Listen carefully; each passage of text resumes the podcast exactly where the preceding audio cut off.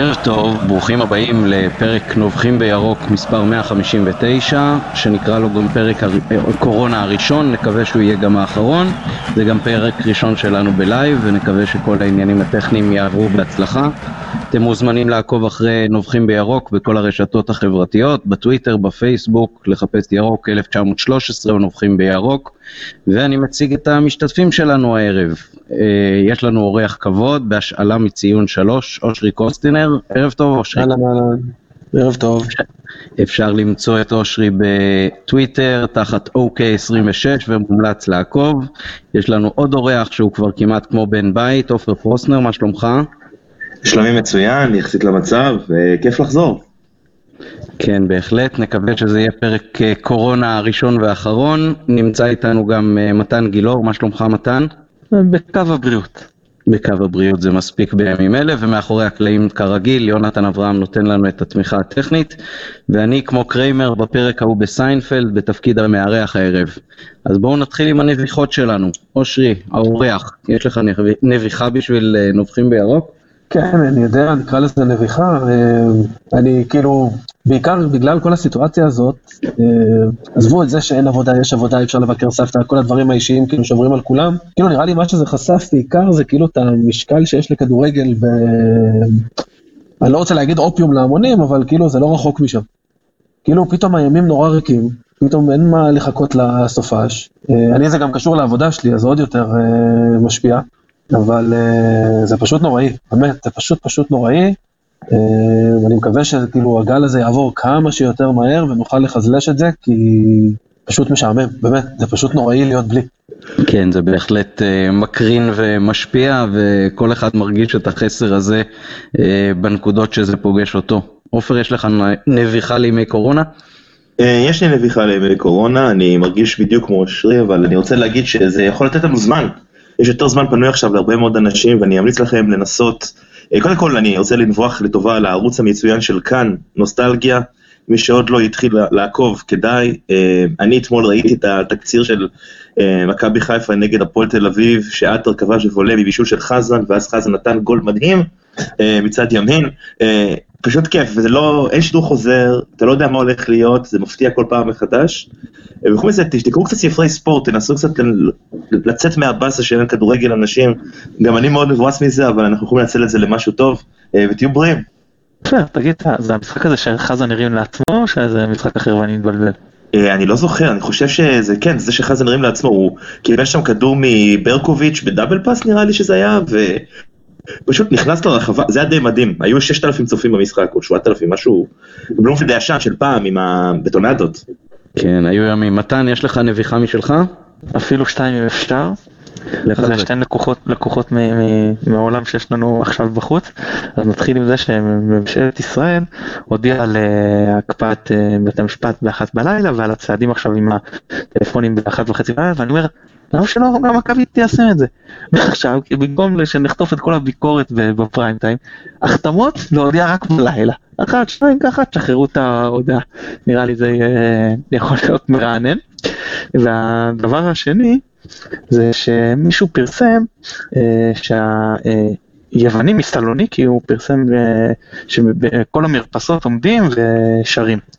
ואז כולם התחילו, תראו איזה יופי, אצלנו אם מישהו יעז לשיר, אז ישר יזנו לו משטרה, וזה תרבות, וזה, ואז מישהו שאתה מבין מהשם שלו שהוא דובר את השפה, אמר להם, חבר'ה אתם יכולים להירגע, מדובר על אוהדי פאוק סלוניקי שמקללים את אולימפיאקוס. כן, כמו הקאבר שעשו להמנון האיטלקי אצלנו, עם שירים על אוהדי הקבוצה מתל אביב. בסדר גמור. אז בואו נתחיל.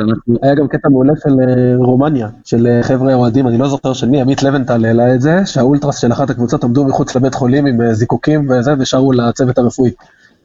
כן, כן, גם זה היה קטע מעולה. מי שלא בטוויטר מומלץ להצטרף. את ראית את הדברים של זנית סן פטרסבורג שהגיעו למשחק שכן התקיים ברוסיה וצעקו כולנו נמות מקורונה, כולנו נמות מקורונה? כן, בסדר, זה מה נשאר. כן, יש הרבה יצירתיות מהקורונה הזאת, זה בטוח. אוקיי, אז לרגל המצב, אנחנו עושים פה סוג של יום זיכרון לעונה הסדירה שהסתיימה. סיכום מורחב ומדורג, ונתחיל בקצת זיכרונות בעצם מסוף העונה הקודמת. העונה הקודמת נגמרה במאי 2019, ועזבו אותנו שורה ארוכה של שחקנים, חלקם גם היו בהרכב. הזרים המשמעותיים, איתיאן ריינן, ז'ורז' מנדג'ק, קרים פריי, וגם איטורה, זכור לטוב. שון וייסמן ששיחק רוב הזמן בהרכב, גם זנטי ואלבלום במהלך הפגרה עזבו, ועוד לפני כן במהלך העונה נפרדנו מסומה ומשלומי אזולאי. ההחתמות הראשונות לעונה הנוכחית היו כבר בתחילת מאי אייקו מוטין, שמאז שהוא הוחתם לא ממש ראה הרבה דשא, אחר כך בסוף יוני הגיעו חזיזה ואשכנזי, בתחילת יולי הגיעו רוקאביצה ווילצחוט יום אחרי יום, ואז מצאנו את עצמנו בעצם ב-11 ביולי, במשחק הרשמי הראשון של העונה, מארחים משחק אירופאי ראשון שלנו אה, בבית החדש, נגד מורה בבית, ניצחנו 2-0, ואז הגיע ג'וש כהן, נפרדנו מאליסון דו סנטוס ומוחמד אבו פאני בתחילת ספטמבר, אחרי שכבר הייתה הדחה מאירופה בעצם, ב-1 באוגוסט מול שטרסבורג. ורק אז, ב-11 באוגוסט, הגיע לפה צ'רון שרי, שיחק קצת במשחק הדירוג אה, בגביע הטוטו מול אה, נתניה, ואז גם אה, במשחק הבית הראשון מול רעננה עלה כמחליף בסוף אוגוסט, 24 באוגוסט. אחר כך, אחרי שכבר... נכון, אנחנו משחק מטורף הראשון, ורק בסוף אוגוסט, אחרי שכבר התחילה הליגה, הגיע טרנט סיינסבורי, ואז פוקס באמצע ספטמבר. עוד צריך להזכיר בסגל הזה את חיימוב שפתח את העונה ואחר כך אה, איבד את המקום בהרכב וגם נפצע, רמי גרשון שהיה קצת אה, פעיל בתחילת העונה, מאז נעלמו עקבותיו.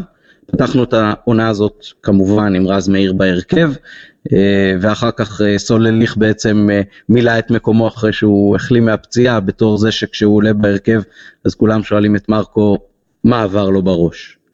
אז אחרי ההקדמה הארוכה הזאת, השאלה הראשונה שלי בעצם, כי אנחנו מסתכלים היום ברטרוספקט על, על ההכנות לעונה הנוכחית והעונה הנוכחית, ואנחנו לא כל כך מסתכלים עוד קדימה, אנחנו גם לא יודעים מתי זה ייגמר ומתי יתחיל.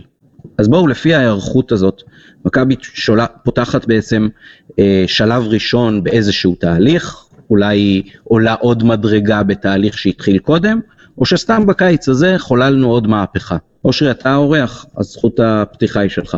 סבבה, אז אני אגיד, אני גם דיברתי על זה בתחילת העונה בציון. בתחילת העונה זה הרגיש ששוב, אה, זוכר בינואר שנה שעברה שהגיע מרקו, היה את המהפכה, מה שנקרא ה-home-made, שפתאום חזרו להרכב כל מיני שחקני בית וכאילו רכבו על זה. ואז בקיץ, כאילו, אוקיי, נשכח מה-home-made ונביא זרים ונבנה את הקבוצה מחדש. הפעם לשם שינוי בנו אותה הרבה יותר טוב, כמו שאנחנו רואים בתוצאות.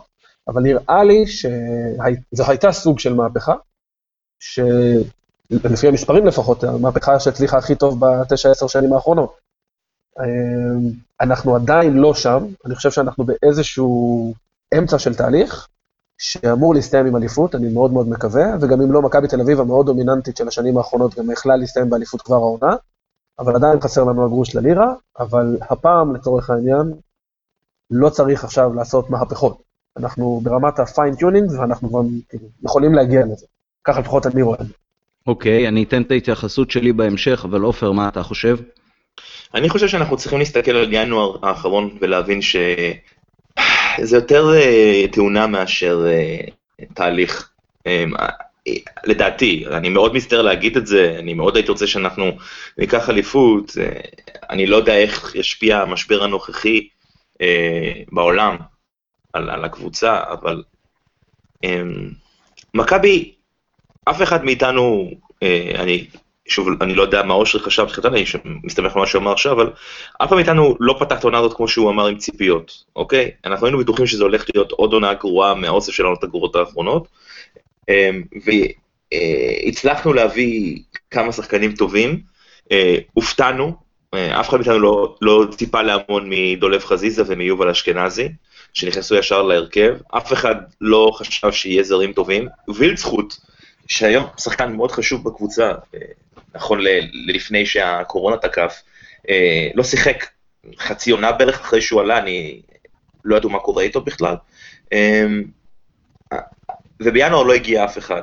לא היה ניסיון אפילו אה, להגיד, אוקיי, יש סיכוי לקחת אליפות השנה, בואו נפציץ, בואו נביא מישהו. אה, הביאו מגן אחד שנפצע ישר, קשר אחורי במקום נטע לא הביאו, הקבוצה לא בנויה טוב. אין לה סגל מספיק עמוק כדי לקחת עדיפות, ולכן אני, אני מאוד אתפלא אם זה לא תאונה, כי לי זה מרגיש שאין מספיק מחשבה מאחורי הבנייה של הסגל של הקבוצה. אוקיי, okay, אז יש לנו כרגע אחד-אחד, אחד אומר תהליך, אחד אומר תאונה. מתן, אתה שובר שוויון? כן, צר לי, אבל אני, אני לא לגמרי בצד של עופר, ואני יותר נוטה אליו.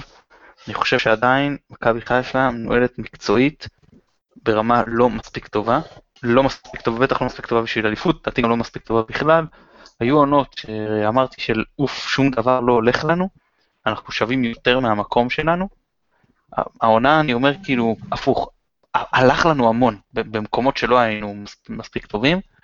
ריאלית, איך שאני רואה את הקבוצה, היכולת, הסגל, אנחנו לא שווים 75% הצלחה, קרדיט למרקו פה לגמרי, כן? זאת אומרת, מגיע לו. עכשיו אפשר לדבר, לשאול, קודם כל יש גם עליו ביקורת, כן? לא שלא, כמובן אנחנו גם נותנים להשמיע אותה, אבל אה, כן, צריך לתת לו את זה. ואולי, אני לא יודע, כמה העניין שהוא אה, לא מהמאמנים שיבואו וידפקו על השולחן, מצד אחד אתה יכול להגיד שאולי זה דפק לנו את החלון של ינואר הנוכחי, אולי, כן, למרות שאני לא חושב, כי מי שמקבל את ההחלטות למעלה, ואולי מינו אותו מראש כי הוא ידעו שהוא כזה, ושחר אמר, כמה ששחררתי, אם בכלל, אני לוקח חזרה, מנה מאמן שהוא יותר יסמן uh, מבחינתי, שהוא כאילו שהוא חוזר להיות המנג'ר שהוא שוב היה לכל אורך התקופה כמו שמענו את אסף בן דוב אז אם אתם זוכרים שאמר. ו... אה, אבל הוא עוד יותר לוקח את הסמכויות ולכן את הסיפור הזה של הסגל של הדלילות בסגל וחוסר האיזון כי יש מקומות שאנחנו מאוד אה, עשירים וכאילו יש עומק ומקומות אחרים שאנחנו יותר מדי דלילים כל זה על שחר. עכשיו הניהול, יש ביקורת על מרקו, פחות אה, קשה מבחינתי, אה, ויש פה איזושהי בעיה מנטלית של הקבוצה, אנחנו אומרים רגע, אם לא מכבי תל אביב, או שזה תמיד קשים, קשה ביקומים האלטרנטיביים. אומרים לא מכבי תל אביב, אז אה, יכולנו אולי אה, לקחת אליפות. אז אני אומר, כל פעם שהתקרבנו, ראינו שמנטלית אנחנו לא שם. אז להגיד לכם מה היה קורה אם הם לא היו קיימים בכלל, אני לא יכול לדעת. אבל אם היה נגיד אה, קרב צמוד גם עם אה, קבוצות אחרות, טיפה פחות איכותיות, אני עדיין חושב שאנחנו באיזשהו אה, חיסרון. אני אגיד רגע, אני יכול רגע טיפה לנבור במספרים כאילו? אני כאילו, אני קצת אחר במספרים. אז אני אפריד רגע לכמה נקודות. א', שניכם אמרתם ואני מסכים עם זה, אני גם, אני חוזר על זה בציון לא מעט. העונה של מכבי חיפה היא קודם כל היא הרבה מעל הציפיות. ולא רק שהיא מעל הציפיות, אה, זה גם בא לידי ביטוי בתוך הסטטיסטיקה. זאת אומרת, יש מדד שנקרא מדד ה-XG, למי שלא מכיר, זה expected goals. זאת אומרת, על פי הסטטיסטיקה, מתוך המצבים ואיכות המצבים שהגעת לתוך משחק, כמה שערים היית אמור לכבוש. וה-XG של מכבי חיפה בעונה הזאת הוא 1.55, שבפועל הם כבשו כמעט 2, זאת אומרת 1.95, שזה הרבה יותר גבוה, זה 25% יותר גבוה ממה שהצפי. אם תקראו לצורך העניין את מכבי תל אביב, הם פחות או יותר בתוך ה-XG שלהם. זאת אומרת, יש פה איזשהו, איזושהי סטיית תקן, שאנחנו כובשים הרבה מאוד שערים, שסטטיסטית לא היינו אמורים לכבוש, וכנראה שזה מה שמקרב אותנו ל-75%. זאת אומרת, אני מסכים לכם שאנחנו עדיין לא שם. אבל אחרי שזה נאמר, בהתחשב בתשע שנים האחרונות, שנה שעברה סיימנו את עונה עם 54% הצלחה. זה, השנה אנחנו על 75 אחוזים, זה, זה שינוי מדהים בעיניי. הפער הזה ממכבי תל אביב, לדעתי לא יכול להיסגר בעונה אחת. אני כן חושב שצמצמנו פערים. אני כן חושב שאנחנו הרבה יותר קרובים. החלון בינואר, אני מסכים שהוא בעיקר שם לנו זכוכית מגדלת על שאנחנו עדיין לא שם. אבל בסך הכל, אני, אני אדבר בשם עצמי, אני מאוד נהנה בעונה הזאת, אולי קיבלתי בלי ציפיות, אבל יש סך הכל כדורגל לא רע, אה, מביאים תוצאות גם אם לא היכולת תמיד מתאימה, וואלה, בסך הכל, בוא נגיד, meet expectations ומעלה, לדעתי לפחות. אה, אני רק רוצה להגיד, אני לא חושב שיש מישהו אחד שמדבר כאן שלא נהנה חבל הזמן מהעונה. אני לא חושב שיש אוהד מכבי אחד שלא נהנה עד עכשיו מהעונה. זה לא קשור. אני חושב שהעניין פה זה רמת הציפיות שלנו. ואושרי, יש בעיה מאוד קשה במה שקרה בשמונה שנים האחרונות, אה, ואני דיברתי על זה גם בפוד הקודם, אנחנו מדברים על זה די הרבה פה, שהציפיות של אוהדי מכבי אה, פשוט ירדו. הם פשוט, אה, אם פעם היית חושב שאליפות וגביע זה, זה מינימום ושלב בתים באירופה זה, זה מינימום, אוקיי? אז אני מבין למה הציפיות האלה ירדו, אבל אנחנו צריכים להתמודד על האליפות. אנחנו לא צריכים להיות מקום שני, לא מקום שלישי, לא להתמודד בצמרת. מיליון אחוז. מכבי מיליון חיפה אחוז. צריכה לקבל אליפות, ואני אומר, השאלה פה זה לא אם נהנינו במשחקים, כי היה כיף לא נורמלי, באמת. אה, יש שנה, משחקים שנזכור, נכנסו לטופ 20 שלי בכל, ה- בכל החיים, בלי צחוק. הדרבי 3-0, ה-5-0 על הפועל תל אביב, אבל המשמעות זה, האם אנחנו רואים איזושהי המשכיות, ולצערי, כמו שמתן אמר, הקבוצה לא מנוהלת מספיק טוב כמו שהיא אמורה להיות וכמו שהיא צריכה להיות. אה, אני, אני לא יודע איך, איך אפשר לעקוף את זה פשוט. ה-XG אני- והמדדים זה דבר מצוין, אבל אה, אה, זאת אומרת, אין, אין לך סגל, אין לך פשוט סגל מספיק לרוץ לאליפות. שנייה רגע, אתם קפצתם, אתם קפצתם, שנייה שנייה, אתם קפצתם לעונה עצמה, כשהשאלה בעצם נגעה יותר להיערכות אליה, והאם היא מעידה על קיומו של תהליך, או על זה שיש פה סטייה סטטיסטית, כמו שאושרי הציג מבחינת ה-XG, ואת העובדה שיש הצלחה בסך הכל, אבל בזה ניגע בשאלות הבאות. אני רוצה להציג כמה נתונים, עובדות, עמית, עמית. כן, לפני, אם אתה- אני- אני- ברשותך אני רוצה לחדד פה נקודה על זה אם כבר אה, נגענו. אני אגיד ככה, שמכבי היא לא מסוגלת להתמודד עם הסכומים שמכבי תל אביב אה, משלמת לשחקנים וזה בסדר גמור. מה היא כן מסוגלת? היא כן מסוגלת לבוא ולהגיד שמאז, נגיד, אני הולך, רומריו פירס נניח, היה קשר אחורי הקלאסי האחרון שהיה פה, מאז לא היה לנו קשר אחורי. ואז אתה פותח עונה, שוב בלי קשר אחורי. זה כאילו, זה, זה מה שאתה אומר, זה לא שהיה לי כסף. הרי לעמדות אחרות הבאתי שחקנים יקרים. אני אפילו לא יודע איך התקבלה ההחלטה, איך מתקבלות ההחלטות של למה אני מביא את השחקן היקר הזה, במקום בעמדה שאני, ש, שזועקת לי. עכשיו, אה, וירצו, כמו שאמרת, עכשיו הוא, הוא מצוין והוא חלק חשוב, אבל היה לך את חזיזה, ידעת שסולליך יחזור, היה אז עוד אז, אה, אני כבר לא זוכר אם היה זנתי או לא היה זנתי, אולי כבר כנראה לא היה זנתי, אבל לא משנה, לא, אבל זה נתי- כבר לא. בסדר, זה נתי של אני- אשכנזי ו... כן, עכשיו אני לא אומר שלא היה צריך גם לשם, בסדר, אבל אני סתם, איפה יותר דחוף לי? איפה אני, על מה אני שובר את החזיר? אתה מבין? אז קודם כל, זה, אני צריך אה, קשר אחורי, במקום להזיז את לביא, שלדעתי יכול להיות הקשר המרכזי הכי טוב בליגה, ואז הוא קשר אחורי שהוא טוב העונה, הוא מצוין העונה, השחקן הכי טוב במכבי העונה, לדעתי. ועדיין, מראש היה ברור ש, שזה אה, פחות יתאים.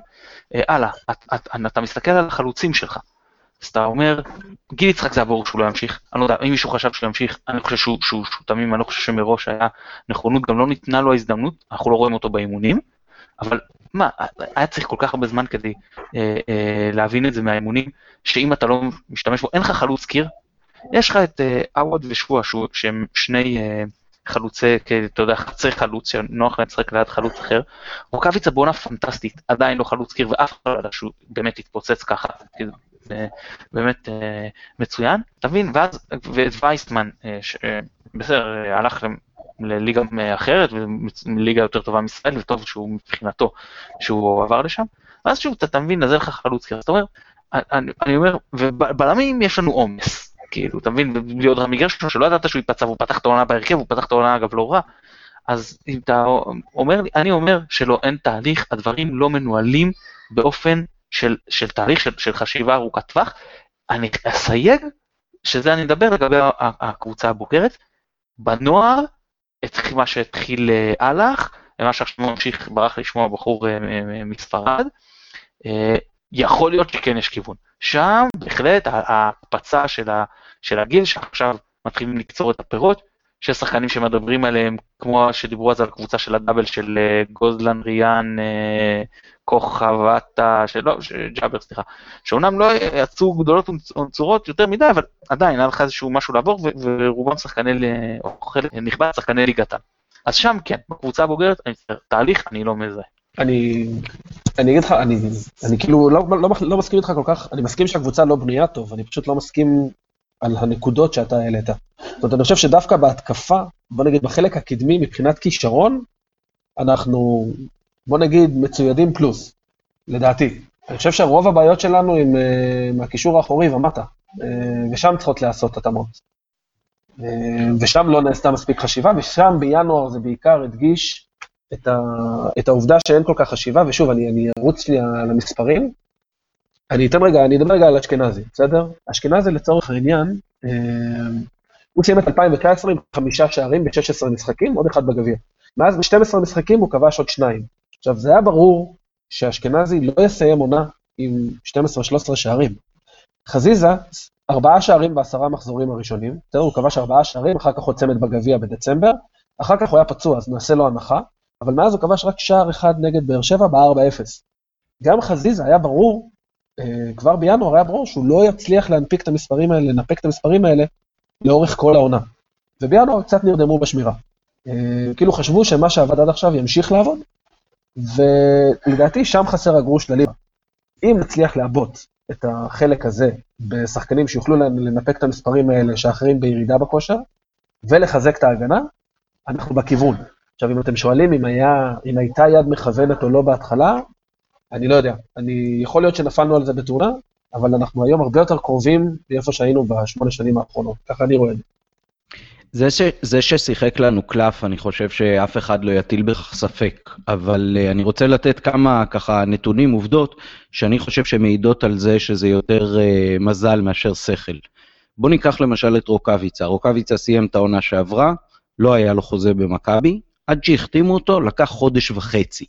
אז אני לא חושב שמישהו פה דפק על השולחן ואמר, רוקאביצה, הוא הולך להיות התותח שלנו בעונה הקרובה, חייבים להשאיר אותו. דרך אגב, גם בריאיון שעשו בפודיום, נדמה לי, עם אה, וייסמן, אז אה, אפשר היה להבין שאם היו נותנים לו הצעה קצת יותר טובה, או באופן קצת יותר uh, מכובד או מוקדם, אז יכול להיות שגם הוא היה נשאר פה, ואולי היינו גם קוצרים יותר פירות של העבודה שנעשתה איתו בחצי שנה שעברה. עכשיו, בשנה נכון, שעברה... סליחה שאני קוטע, אבל היה, הייתה איזושהי החלטה אסטרטגית, אתה יכול להתווכח אם היא נכונה או לא נכונה, שמביאים את ירדן שואה. אה, הוא היה אמור להיות החלוץ המוביל, זה שיש לו בעיות התנהגות והיחסים בינו ובין מרקו, עוד מעט נגיע לזה. אבל אתה יכול להגיד, הייתה פה חשיבה, הביאו שחקן צעיר עם חוזה לחמש שנים, היו מוכנים להקריב במרכאות את uh, וייסמן או לא במרכאות, כדי לתת לו לשחק, ודה פקטו מרקו פשוט מנהל את הסגל קצת אחרת ממה שתוכנן. כן, זה גם מעיד, דרך אגב, על, על, על איזשהו חוסר תכנון עם, עם מרקו, למרות שמרקו נתן לירדן קצת יותר אה, אה, אשראי ב, בתחילת העונה. אבל אני רוצה לעבור לעוד כמה דברים. בשנה שעברה הייתה מגמה מאוד בולטת של אה, להביא זרים עם אופציה כדי לראות אם הם טובים, כשאני יכול לשער שהכוונה הייתה להשאיר אותם ככל שהם באמת טובים. ואז uh, מנדג'ק ופריי, שהיו בעצם שני הזרים המצטיינים בשנה שעברה והייתה עליהם אופציה, לא מימשו את האופציה, אני מבין שזה היה אמור להיות יקר, אבל אני חושב שמנדג'ק זה בדיוק העמדה שהכי חסרה לנו uh, בעונה הזאת מבחינת uh, עומק. אז האופציה עליהם לא מומשה. אה, אחר כך אה, הייתה סוג של זריקה של אירופה בגלל אה, שחיכו עם חלק מההחתמות לשלבים מאוחרים יותר, כן, גם שרי הגיע אחרי בעצם וגם פוקס שבכלל לא נספר אחר כך בסגל. אני חושב שזה שפוקס בכלל לא שיחק ווילצחוט בהתחלה לא שיחק, זה uh, מעיד על זה שלא הייתה פה כל כך יד מכוונת, אני חושב שהצליח עם, שו, עם uh, חזיזה ואשכנזי הרבה הרבה מעל הציפיות. כשהם הוחתמו היה לפחות לי די ברור שהם שחקנים שמוחתמים לספסל. עכשיו היה פה בינגו משולש בעצם ברכש שלא נועד לגדולות, כן? ג'וש כהן הגיע כשוער מחליף ובינגו, וחזיזה ואשכנזי הגיעו וכל אחד מהם אה, אחראי עד עכשיו ל-12 שערים, כן? 5 ו-7, 7 ו-5, כל אחד עם הבישולים שלו והכיבושים שלו. מצד שני, שלושה שחקנים שהם שני זרים שלא משחקים בכלל, פוקס ואוטין, ועוד אה, שואה שאמור היה להיות הסטאר הגדול, אז כאילו שלושתם שהיו אמורים להיות הגדולים, הם נפלו. אז אני חושב שיש פה בעיקר סטייה של עניין של מזל. עכשיו, אני משאיר בצד את הוויכוח עם אה, סיינסבורי במקום ריינן, זה שדרוג כל כך גדול, אה, אני לא במאה אחוז בטוח שזה נכון, ויכול להיות שהעובדה שריינן כבר היה כאן והיה משולב, ואולי גם העובדה שהחתימו עוד שני הולנדים יכלה אה, לעזור לו עוד, והוא היה אולי תורם לנו לא פחות מסיינסבורי, והיה נמצא פה כבר בתחילת הקיץ, ולא רק בסוף אוגוסט, זה גם משהו שלדעתי מעיד על סוג של חוסר תכנון. עוד מילה בעניין הזה? רגע, רגע, נקודה מצוינת בדיוק לסיפור של התכנון, כי אם היית אומר, אני זונח את, אה, את אה, שלושת הבלמים מראש, אני מתכנן את העונה אחרת, כי אני רוצה יותר תקפי, כי, כי לא יודע מה, כי ככה מרקו מחליט, ואז אתה אומר, אז עכשיו אני מחליף את ריינן בסיינסבורי, אתה אומר, וואלה, יש פה חשיבה, יש פה תכנון, עשו עבודה. אבל זה, לא, אבל פתחת את העונה עם שלושה בלמים. אז בלם הכי טוב שלך משלושה בלמים, שהיה לך בסגל שנה שעברה, ויותר טוב מכל מי שיש לך היום, כשמשחקים שלושה בלמים זה תיאם ריינן. בשלושה בלמים באמת הוא פשוט בלם מצוין. בקו של ארבע הוא הרבה פחות טוב.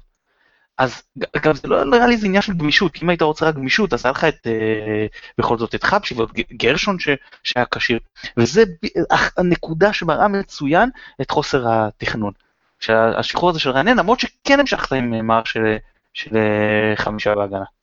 אני יכול רק להניח שהתוכנית הייתה, או הנחת העבודה הייתה, תשמע, גם סטיינסבורג הגיע מאוד מאוחר. אני, זה לא יהיה הימור מופרע להגיד שהוא לא היה הבחירה הראשונה. אני מניח שהיו על הכוונת בלמים שכנראה היו או יותר ורסטיליים או שיותר התאימו לתוכנית, ומאיזשהו סיבות הם לא הגיעו, וסטיינסבורג בסופו של דבר הוא סוג של פשרה. ככה אני, אני מפרש את זה, כן? בגלל התאריך המאוחר שבו הוא הגיע. אמ, אני לא בטוח, שוב, אני... נחזור רגע למקצועי, אני חושב שהבעיה, התכנון, אנחנו די מסכימים שלא היה פה תכנון או שהוא לא היה מספיק טוב, וגם היום העובדה שבינואר לא קרה מה שהיה צריך לקרות כדי לעבות את הסגל ואת ההגנה, מעידים על זה שאנחנו עדיין לא במקום טוב מאוד בהקשר הזה. אמ, תקנו אותי אם אני טועה, אני חושב שכולנו פחות או יותר על אותה דעה בהקשר הזה. בהחלט. ונעבור אולי לנושא שיהיה יותר אה, אופטימי ומשמח, או לפחות אה, יותר חיובי מבחינת העונה הנוכחית. אז הנה הנתונים. בשנה שעברה סיימנו מקום שני עם 58 נקודות בסוף הבית העליון, כמעט 54, כמעט 54 אחוזי הצלחה, במרכאות הצלחה, 31 אה, נקודות הפרש מהמוליכה, ויחס שערים של פלוס 5. בעונה הנוכחית צברנו את אותו מספר נקודות עוד לפני הפלייאוף, כמעט 75 אחוזי הצלחה, הצלחה בלי מרכאות לדעתי, שישה, שש נקודות הפרש אה, לפני שמתחיל אה, משחקי הבית העליון, ויחס שערים מטורף של פלוס 38, 58 שערים מול 20, זה כמעט שתיים ורבע אה, כיבושים למשחק. מעבר לזה זה 9 נקודות הפרש מביתר במקום השלישי ו-14 אה, נקודות הפרש מבאר שבע הרביעית. לפי התוצאות, מכבי של העונה היא הצלחה, היא עמידה בציפיות או כישלון? עופר, נתחיל ממך. מכבי של השנה היא הצלחה מטורפת. אה, אני לא חושב שאפשר אפילו להתווכח על זה, זאת אומרת, אה, אם אנחנו, בואו, בוא, לפני שאנחנו מדברים על מכבי חיפה, רק ניתן שנייה רקע. מכבי תל אביב של השנה היא קבוצה היסטורית. היא קבוצה ש... אני חושב שאם אתה מסתכל עליה, היא באמת קבוצה היסטורית, זאת אומרת, דרך אחרת להסתכל על זה. היא לא, לא ספגה שער, אני חושב, בכל הסיבוב הראשון, זה נכון? אמ, אני, אני לא זוכר דבר כזה. אמ, מאז שאני עוקב אחרי כדורגל בארץ, זה משוגע לגמרי. אם לא מכבי תל אביב הזאת, אם מכבי חיפה דוהרת לאליפות. אה, זה, זה, זה באמת כאילו, זה, זה משהו בלתי נתפס בכלל. אז כן, מכבי חיפה קבוצה מצוינת השנה, זה שהיא בכלל מצליחה לעמוד בקצב של מכבי תל אביב, זה, זה דבר זו הצלחה משוגעת. Um, בגלל זה זה הופך את העונה הזאת לעוד יותר טראגית, כי אנחנו נחיה כל הזמן עם התחושה של מה היה יכול להיות. זה מצד אחד טראגי, ומצד שני זה גם קצת uh, משמח, כי אנחנו אף פעם לא נדע אם הפסדנו את האליפות הזאת או לא, וכמו שמתן אמר, אני חושב, לפני איזה uh, שבוע או שבועיים, הוא לא חושב שמכבי תיקח אליפות, וגם אני, לא מאמין שמכבי תיקח אליפות, אבל אה, העובדה שאנחנו אף פעם לא נדע, אה, אני חושב שתתרום קצת לקסם ולהילה של הקבוצה הזאת. אני, אה, כמו שאושרי של מספרים, אני איש של סיפורים. והסיפור של מכבי חיפה של העונה, שלא הושלם, הוא סיפור שאני חושב שכל אוהד ייקח אותו. אה, 19-20 שלא נגמרה, אז אני חושב שגם מבחינת הכדורגל העונה הזאת הייתה הצלחה, וגם מבחינת הסיפור של מכבי הוא היה הצלחה. כי אף אחד לא נכשל. אמ, לא נכשלנו. כן, אחרי, אחרי שמונה ו... שנים. לא, לא, אחרי שמונה שנים, ואני חושב שזה דבר נהדר, זה פשוט דבר מאוד מאוד כיפי. אמר לי חבר על, על מכבי עונה כל משחק בצבע, וזה נכון, אני, כל כך כיף לבוא לכל משחק, היו כמעט, כמעט לא בכלל משחקים משעממים. היה שיגעונות, 4-3 ההוא מול רעננה, 3-3 מול אשדוד, 4-3 מול מכבי תל אביב, שאומנם נגמר נורא, אבל איזה משחק זה היה, ועוד ועוד משחקים כאלה שבאמת, היה חוויה, כמעט, כל משחק כמעט היה חוויה פשוט. כן, זה בפירוש העונה הכי מעניינת שלנו מזה הרבה מאוד זמן. אושרי, הצלחה מסחררת? אני אתן תשובה שהיא קצת פלצפנית. אני חושב שהיא הצלחה בעיקר בגלל הציפיות הנמוכות שלנו. זאת אומרת, אני חושב שאחרי השמונה, תשע שנים האחרונות, שבעיניי השפל שלהם זה היה העונה עם גיא לוזון ומה שהלך שם, עם הבניית סגל השערורייתית הזאת, ואז ההחלפות באמצע, וכאילו שזה חזר על עצמו שוב ושוב ושוב, פשוט הורדנו ציפיות, וברגע שהורדנו ציפיות, התוצאות שהיום הן אמורות להיות meet expectations נגיד, הן נתפסות כהצלחה.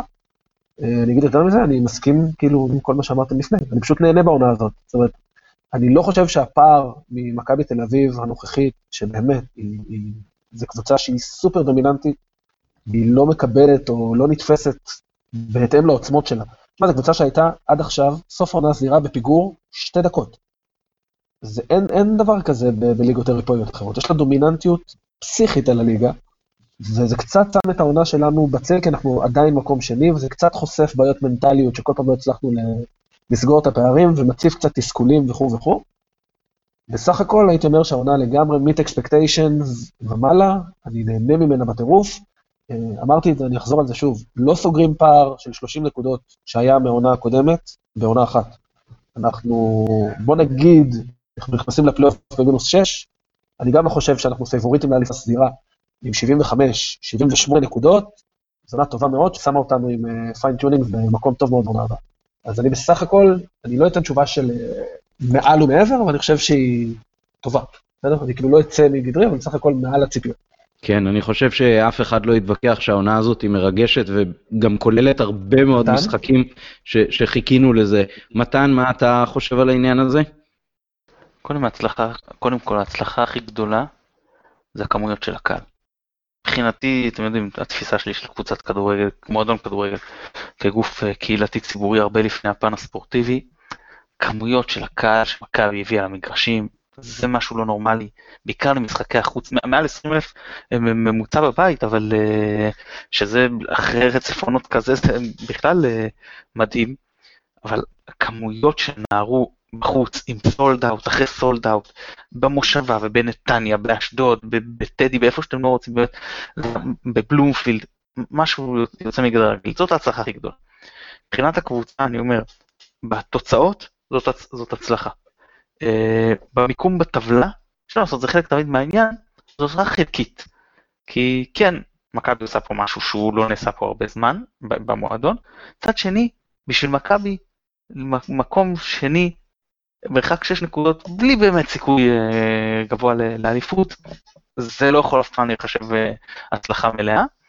ובכל uh, הנושא של איך אני רואה אותנו מתקדמים מפה, עושים את הצעד הבא, אני לא מזהה את ההצלחה הזאת עדיין. אני חושב שכל ההתנהלות, שוב, מהחלון הראשון שדיברנו עליו, דרך ינואר, ועוד דברים שאני מזהה במועדון שדיברתי עליהם, בפרקים הקודמים כתבתי עליהם בבלוג, אני חושב שמכבי עדיין לא שם, אה, יכול להיות שעשינו איזושהי עליית מדרגה, אבל אנחנו מה זה רחוקים מהחלק העליון של גרם המדרגות. כן, אני מסכים עם זה לגמרי. מעניין uh, לשמוע אתכם uh, בעניין של מרקו בלבול. אם העונה היא כל כך uh, מוצלחת כמו שתיארתם אותה, אז uh, מה אתם חושבים? יש למרקו עונה חסרת תקדים, ומצד שני יש לחובתו נפילות ברגעים מכריעים, אה, מה, מה אנחנו עושים איתו בשנה, בשנה הבאה, והאם בכלל מרק הוא עמית או טורף? מתן. זה לא חשוב. באמת, לצערי זה לא מספיק חשוב, זה, כי זה לא משנה. גם אם תביא עכשיו את מרדיולה או, או את קלופ, אתה, אתה לא לוקח אליפות. כל עוד ההתנהלות של, של ראשי המועדון כזו, אז, אז מכבי שווה מקום שני, בלבול כמובן מוכיח שהוא יכול להביא אותה למקום שני, אירופה עוד שלב, פחות שלב, אנחנו לא, עדיין לא במצב של להביא את עצמנו לשלב הבתים. עכשיו, אני לא מזלזל בעוד שלב מוקדמות, שזה עוד כסף וזה עוד חשיפה וזה עוד דירוג, אבל לא על זה כמה ונופלת עונה. עכשיו אתה אומר, האם, בוא נאמר שיש איזושהי מידע של, של היריבה שלך, האם מרקו הוא כן המאמן לנצ, לנצל את זה, או שעכשיו כדאי ללכת על מישהו אחר, בכר או כל אחד אחר ש, ש, שאולי יתפוס את זה, אני לא יודע, אני חושב ש... ש... זה, קשה, כי מרקו יש מצד אחד עונה טובה, מצד שני, כמו שאתה אומר, כל צומת מרכזי כמעט, אה, מרכזי סליחה, נפלנו. אה, משחק הגביע הראשון שהוא היה באמת אתגר, נפלנו. שני משחקי עונה, נפלנו. למרות שאני חוזר ואומר שאני מאוד אהבתי את ההימור שבלבול עשה במשחק השני. מאוד אהבתי את זה, ואני חושב, אם שוב הייתי חוזר, שוב הייתי אומר שהוא היה צריך לעשות את זה, עווד מכניס שבע מעשר את המצב הזה. אמ, המשחק בטדי, בקיצור, דיברנו כבר על הצמתים האלה. אמ, אז, אז, אז, אז אני שוב אומר, אני מסכם, לא כזה אישו, יישאר, לא יישאר, כל עוד ההתנהלות היא כמו ש... אתה יודע מה, כל עוד ההתנהלות היא כזאתי, אז תשאיר אותו, חבל פשוט על הקטע הזה של להחליף מאמן. כן, זאת באמת אה, גישה מעניינת, כי צריך לזקוף גם לזכותו של מרקו עם כל הנפילות, את זה שלא היו שני משחקים רצוף אצלו ללא ניצחון בעונה הזאת. את זה שחזרנו הרבה פעמים מפיגור ועשינו מהפכים. את זה שגם כשספגנו, בניגוד לשמונה השנים האחרונות, ידענו לחזור ו- ולהתאושש, אה, גם ממשחק למשחק וגם מתוך כדי משחק, אה, ולפעמים אפילו עם חילופים מוקדמים קפואים, נקרא לזה, ויחס שערים שפשוט אה, מרשים. יכול להיות שאם מכבי תל אביב לא הייתה נותנת כזאת עונה עוצמתית, אז מרקו היה בכלל מביא אליפות. עופר, מה אתה אומר? יש סיכוי איתו? אה, אה, מרקו, כמו שמתן אמר, אולי זה לא משנה, אבל אני אגיד למה זה כן משנה. אמ, יש שני דברים שאתה יכול להגיד עליו. אה, אחד, מה שהוא עשה השנה בלתי נתפס בשמונה שנים האחרונות, אף אחד לא חשב שזה יגיע לשם, ומגיע לו כל הכבוד על זה. יחד עם זאת, אמ, אם אנחנו באמת אה, מסתכלים על זה כמו שצריך, אנחנו רואים שניהול המשחק שלו הוא מתחת לכל ביקורת, אפילו שלפעמים אתה רואה שזה מצליח לו. אני לא בטוח שהחילופים שהוא עושה הם לא חילופים מהבית, הוא לא כל כך מגיב למשחק. אמ, ניהול הסגל שלו, נוראי, אה, הוא לא עושה חילופים בזמן, אה, הוא אשם בזה שלנטע לביא לא שיחק במשחק נגד מכבי תל אביב. במקום אה, להוציא אותו לפני כשכבר הובלנו בדרבי 3-0. זה טעויות שאתה קולט שהוא פשוט לא מחובר כל כך, ואני אפילו לא נכנס לכל הסיפור עם ירדן שואה, כי אנחנו לא הולכים לדבר עליו בסקשן הזה, דיברנו מספיק, אולי עוד נחזור לזה, אבל הדבר העיקרי פה זה, זה האישיות של מרקו, אני אמרתי את זה כבר ואני אגיד את זה שוב פעם. אה, ההבדל בין ברק בכר אה, ומרקו זה ש... אני רוצה להאמין, אנחנו מדברים פה, מפרשנים פה והמילים שלנו הם באמת, אה, אנחנו מדברים מה שנראה לנו ולא באמת מה שקורה, אז אנחנו לא באמת יודעים, אבל מרקו, מרקו נתן לסגל להיבנות כמו שהוא נבנה. מרקו לא דפק על השולחן. מרקו לא קם ואמר, זה או שמביאים קשר אחורי או שאני הולך. מרקו לא אמר, תקשיבו, אפשר לקחת אליפות, ולא יצא לתקשורת, ולא שם את ינקה לשחר במצב לא נעים, ולא דפק על השולחן, אוקיי? ברק בכר היה דופק על השולחן, מאמנים אחרים היו עושים משהו, וזה הבעיה. מכבי רוצה יסמנים, מצליח, סבבה, לא מצליח, חבל, עושים מהפכה. המאמן תמיד אשם, אוקיי? וגם כשהמאמן מצליח, אז uh, הכישלון הוא גם כן עליו, והצלחה היא על ינקלה. Uh, צריך פה מאמן שהוא כזאת פיגורה, שהוא ידע לשים את, את מכבי במקום ולנהל את הקבוצה ולחשוב איך לוקחים פה אליפות. עכשיו, ספציפית לעונה הזאת, היה לנו הזדמנויות לקחת אה, אה, את ההובלה, אוקיי? יכולנו אה, לנצח את הפועל כפר סבא. זה היה נותן לנו עוד שלוש נקודות, ואני מזכיר את התיקו מול אשדוד, ואני מזכיר את התיקו מול בני יהודה בבית. אלה שלושה משחקים שלא ניצחנו בגדל מרקו. אני לא מדבר על ביתר, אני לא מדבר על משחקים במכבי תל אביב, אני לא מדבר על התיקו בדרבי. השלושה המשחקים האלה, זה ההבדל, אוקיי? שלושה תיקואים, אוקיי? זה ההבדל, אה, אה, אה, זאת אומרת, סליחה, לא שלושה תיקואים, שני תיקואים והפסד, זה ההבדל בינינו לבין מקום ראשון, או שוויון נקודות עם מכבי תל אביב. ואיך שלא תסתכל על זה, זה עליו. אז אני לא חושב שצריך לפטר אותו, או שלא צריך לפטר אותו, צריך לתת לו לסיים את העונה. ובהנחה שלפי מה שאני מבין מההודעה של וופא, אם העונה הולכת להסתיים עוד מספר חודשים כשהכול יעבור, אם הוא מצליח לקחת אליפות, תפאדל, קח עוד עונה. אם הוא לא מצליח לקחת אליפות, אני חושב שצריך להגיד לו שלום יפה ולהביא מישהו אחר. אני יודע שזה נשמע מאוד uh, כפוי טובה, אבל אני אוהד מכבי חיפה ואני רוצה אליפות, ושום דבר אחר לא מעניין אותי. אני כן, אה, לפני שאני אתן לאושרי להתייחס לשאלה הזאת, אה, רוצה רק לומר דבר אחד. הנפילות שלנו במרבית העונות זה נפילות בזה שאנחנו לא יודעים לצבור נקודות מול הקטנות.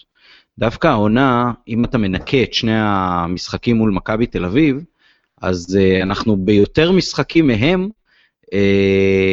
הצלחנו לעמוד בניצחונות מול הקבוצות הקטנות. יכול להיות שטיפה יותר uh, עוצמה בסגל, טיפה יותר ניסיון, ואנחנו מצליחים להתגבר גם עליהם. גם אצלם לא לעולם חוסן, העונה הם נופלים יותר מאיתנו מול הקבוצות הקטנות. אה, אולי דווקא מרקו נותן את השקט הזה שכל האחרים לא הצליחו. אושרי, מה אתה אומר בשאלה של מרקו? אני קצת פחות נחרץ, הוא קורבן של הציפיות שהוא עצמו הרים. כי בתחילת העונה כולנו דיברנו על 60 אחוז, פתאום הוא הביא 75 אחוזים. אנחנו כאילו ממרחק אליפות, ואז כל הטעויות שהוא עושה, בניהול הסגל, בניהול המשחקים, בקיבעון שלו על המערך ועל השחקנים, פתאום המשקל שלהם הוא הרבה יותר גדול. ולדעתי האישית, אני חושב שהתקרה שלנו עם מרקו היא תהיה מקום שני. אני חושב שהאלמנטים של, הוא, הוא, הוא בנה את הסגל תחתיו, גם בקדנציה הקודמת שלו, אגב, זה חלונות ה... חלון העברות או חלונות הכי טובים שהיו לנו, אבל החסרונות שלו, שהם ניהול המשחק, ואני לא מדבר רק על החילופים, אני מדבר על מהלכים, על זה שכאילו לא מבודדים את ווילצחוט מספיק, שסן מנחם ממשיך לעלות והוא עושה את זה שוב ושוב ושוב, שבמשחק האחרון נגד באר שבע כולם ידעו שיעברו ל-5-3-2 והוא לא התכונן לזה. אני מדבר על זה שהחילופים שלו הרבה פעמים, כאילו, אתה, אתה תופס את הראש, אני לא מבין. בין אם זה אובססיה על רז מאיר, או סלליך, או כל מיני, כאילו, פתאום הוואד במקום שועה, ואז פתאום לשרוף את הוואד. ניהול הסגל שלו, כל הדברים האלה, שמים תקרה מאוד מאוד ברורה, לדעתי הוא לא יעבור את, מקום, את המקום השני. אני מוסיף על זה את מה שדיברתי קודם על זה, שיש פה באמת איזושהי עונה שהיא חריגה במונחי ה-XG, והמספרים של אשכנזי וחזיזה לא יחזיקו ככה. אני חושב שהוא יכול להביא אותנו קרוב לבאר, אבל לא לתת לנו לשתות. ואם אנחנו רוצים לעשות את הקפיצה הבאה לאליפות, זה לא יהיה תחתיו, אלא עם מאמן אחר. אחרי שזה נאמר, זה מתחיל ונגמר ביאנקלה. אני אומר את זה בלי סוף. כל עוד הוא ימשיך להיות המנג'ר ולא יהיה קו עקבי ודמות מקצועית אחרת, זה לא יהיה משנה מי המאמן. בהנחה ומרקו ייקח צעד, אה, סליחה, ינקלה ייקח את הצעד אחורה, ויביאו דמות שתדע לדפוק על השולחן ויקשיבו לה, בין אם זה יהיה ברק בכר או מאמן זר אחר, רק אז אנחנו נוכל לעשות את הקפיצה הזאת. כל עוד ינקלה הוא זה שמחליט לאן הספינה הזאת שטה, אנחנו, אמרתי את זה, ואני מקווה מאוד לטעות, אבל אני לא חושב שאנחנו נראה עוד אליפות תחת ינקלה. אגב, בפייסבוק וביוטיוב ובטוויטר, כאילו אני יודע שהם מאזינים לייב, אז אם יש שאלות, תגובות, אה, רוצים להוסיף וכו', אז אה, תנו בראש, אנחנו כאילו נקריא את זה ונתייחס לזה. עוד אה, התייחסות, אני, אני רוצה להתייחס למה שאמרת לגבי מרקו, שהטעויות שלו מתבטלות, מתבלטות לנוכח התוצאות שהוא השיג, ואנחנו מדברים בהשיג, כאילו אני מדבר לשבח, יש בזה הרבה, זה, זה מזכיר לי קצת את זה שמדברים על מאזן הגמרים של לברון ג'יימס, שאומרים אה, שלוש מתשע, שזה שאשכנזי נפצע ולא היה תחליף ראוי, כי, כי אה, מרקו אמר אחרי המשחק, אני חוזר למה שאמרתי שבוע שעבר, שהוא לא היה צריך הכנה מיוחדת, כי הקבוצה יודעת לשחק מול חמש, שלוש, שתיים, מול חמישה בהגנה, ורוב העונה עושה את זה, ופרצנו את זה הרבה פעמים, וכאילו לא היה מוכן לזה שברגע שאשכנזי נפצע, אז כל הקטע הזה של שחקן נכנס מהעומק, בניגוד למקס, שהוא השחקן הכי, הכי מעט משחק עומק במכבי, אז כאילו והכל קרס. אז כמו שאמרת, לא הייתה את ההכנה, וזה חלק מהעניין הזה של אני לא מבין איך אחרי ההתפרקות הזאת, כאילו של, של האמצע שנה שעברה, וכן הייתה איזשהו סוג של מהר מהר מהר להביא את השחקנים, ובאמצע איך השנה זה הלך לאיבוד, איך לא כולם היו בפאניקה על זה. זה, זה משהו שהוא ממש מוזר לי, זה עוד אינדיקציה לסיפור הזה של אה, לא ממש... אה, אה, שחסרה יד מכוונת מקצועית. כן, כן, מלמעלה, בוודאי. זה גם לאורך כל התקופה, הסיפור הזה של, של אותם מנהלים מקצועיים ש, שהביאו, אפשר לבקר אותם, אני לא אומר שהם עשו עבודה מספיק טובה, אני בכלל אמרתי שאי אפשר לשפוט. א', כי הם לא באמת היו ראש המערכת המקצועית, ב', כי הם לא היו מספיק זמן. וזה הזדמנות באמת לחזור ל, ל, ל, שוב לעניינים האלה של, אה, אני לא יודע, כאילו, אתה אמרת כל עוד שחר אה, כנראה שלא נראה אליפות, אז, אז חשוב להדגיש, ואני מניח שתסכים איתי פה, שזה לא שחר מבחינת הפן הכלכלי שלא יכול להתחרות בגולדה.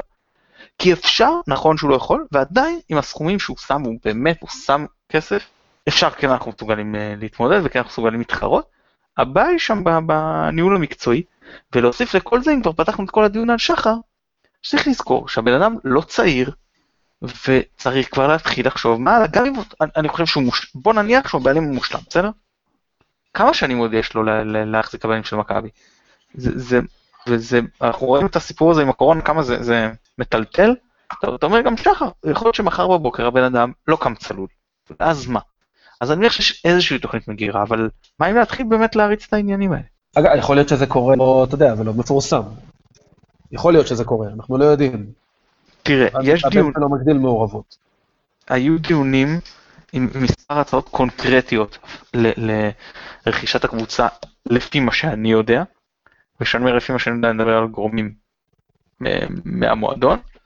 אה, אני לא יכול להגיד למה זה נפל, כי זה...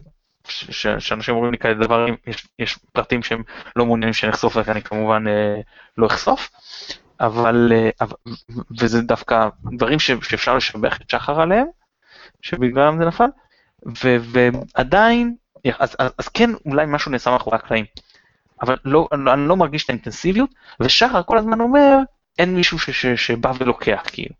אבל אני לא אומר שהוא גם צריך לעזוב, או זה, אני לא מדבר משהו כזה, אולי להכניס איזה שותף.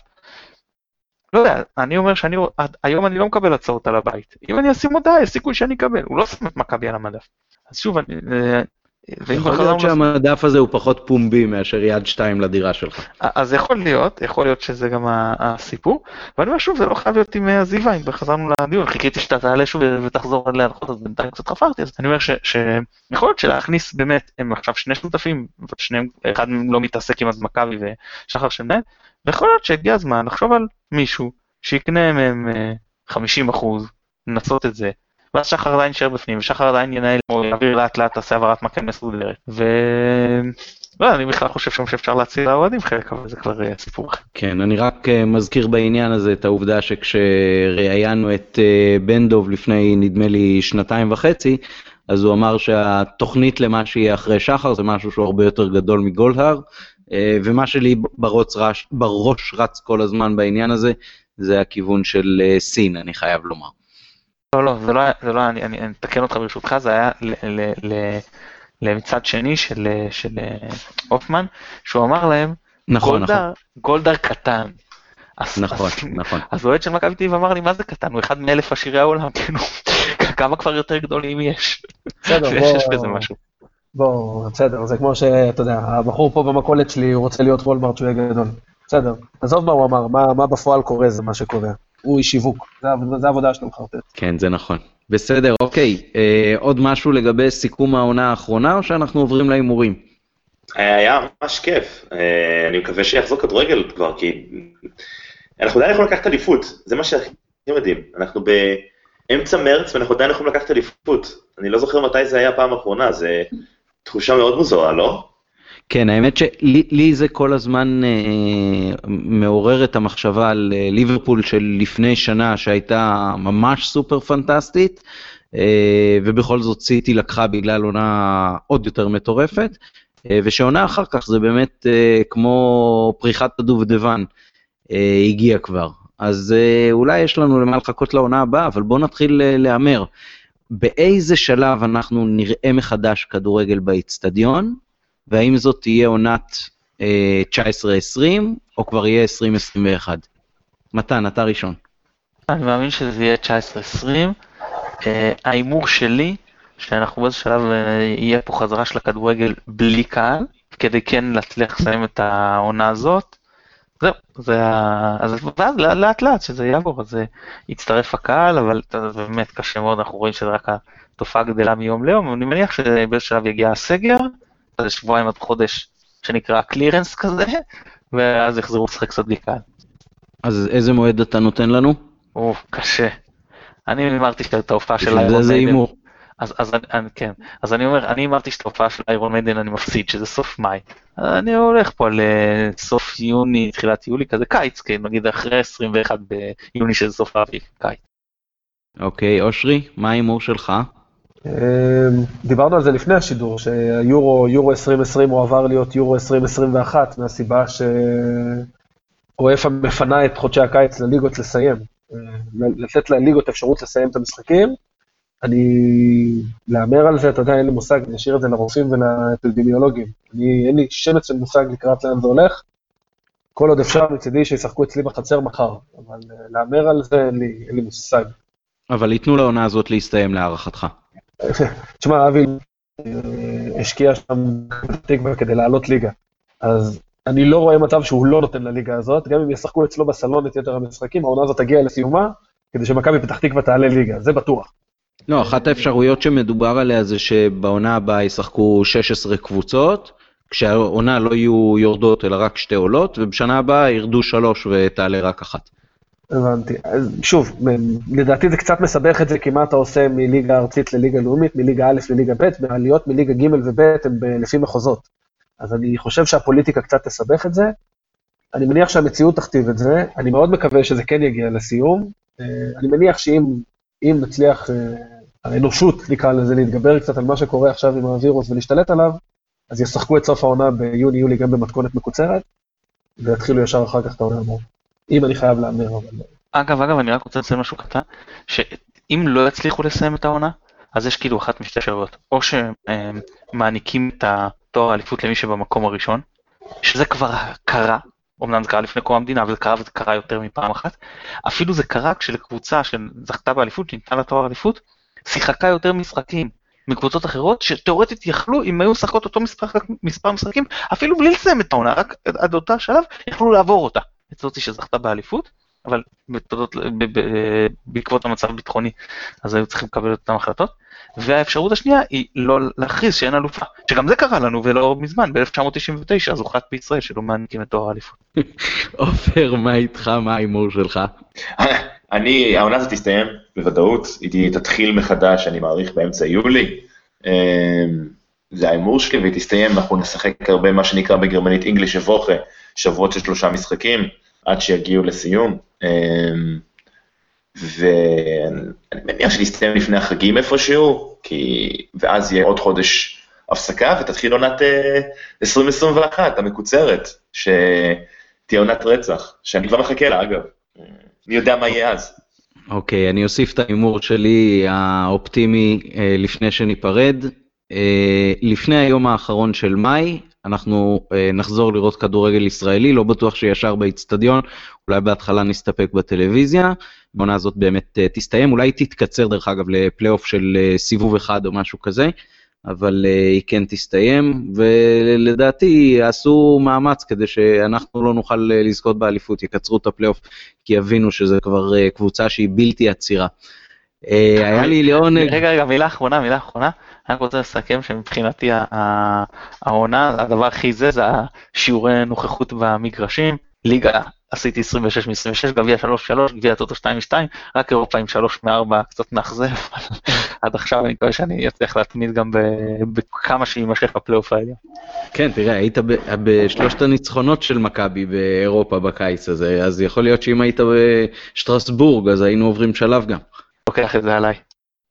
בסדר גמור. מתן, היה לי כיף לארח אותך שוב. כרגיל תענוג. עופר, גם אותך היה כיף. תמיד כיף. ואושרי, תמשיך אה, לייצג את מכבי בכבוד רב, כמו שאתה עושה בציון שלוש, יש לכם שם אחלה פודקאסט של אוהדים, אני נורא אוהב להקשיב. תודה. תודה רבה, חבר'ה. תודה רבה לכל המאזינים, שיהיה לילה טוב, ונקווה שהפרק הבא לא יהיה פרק קורונה מיוחד, אלא ממש נחזור לראות כדורגל. להתראות.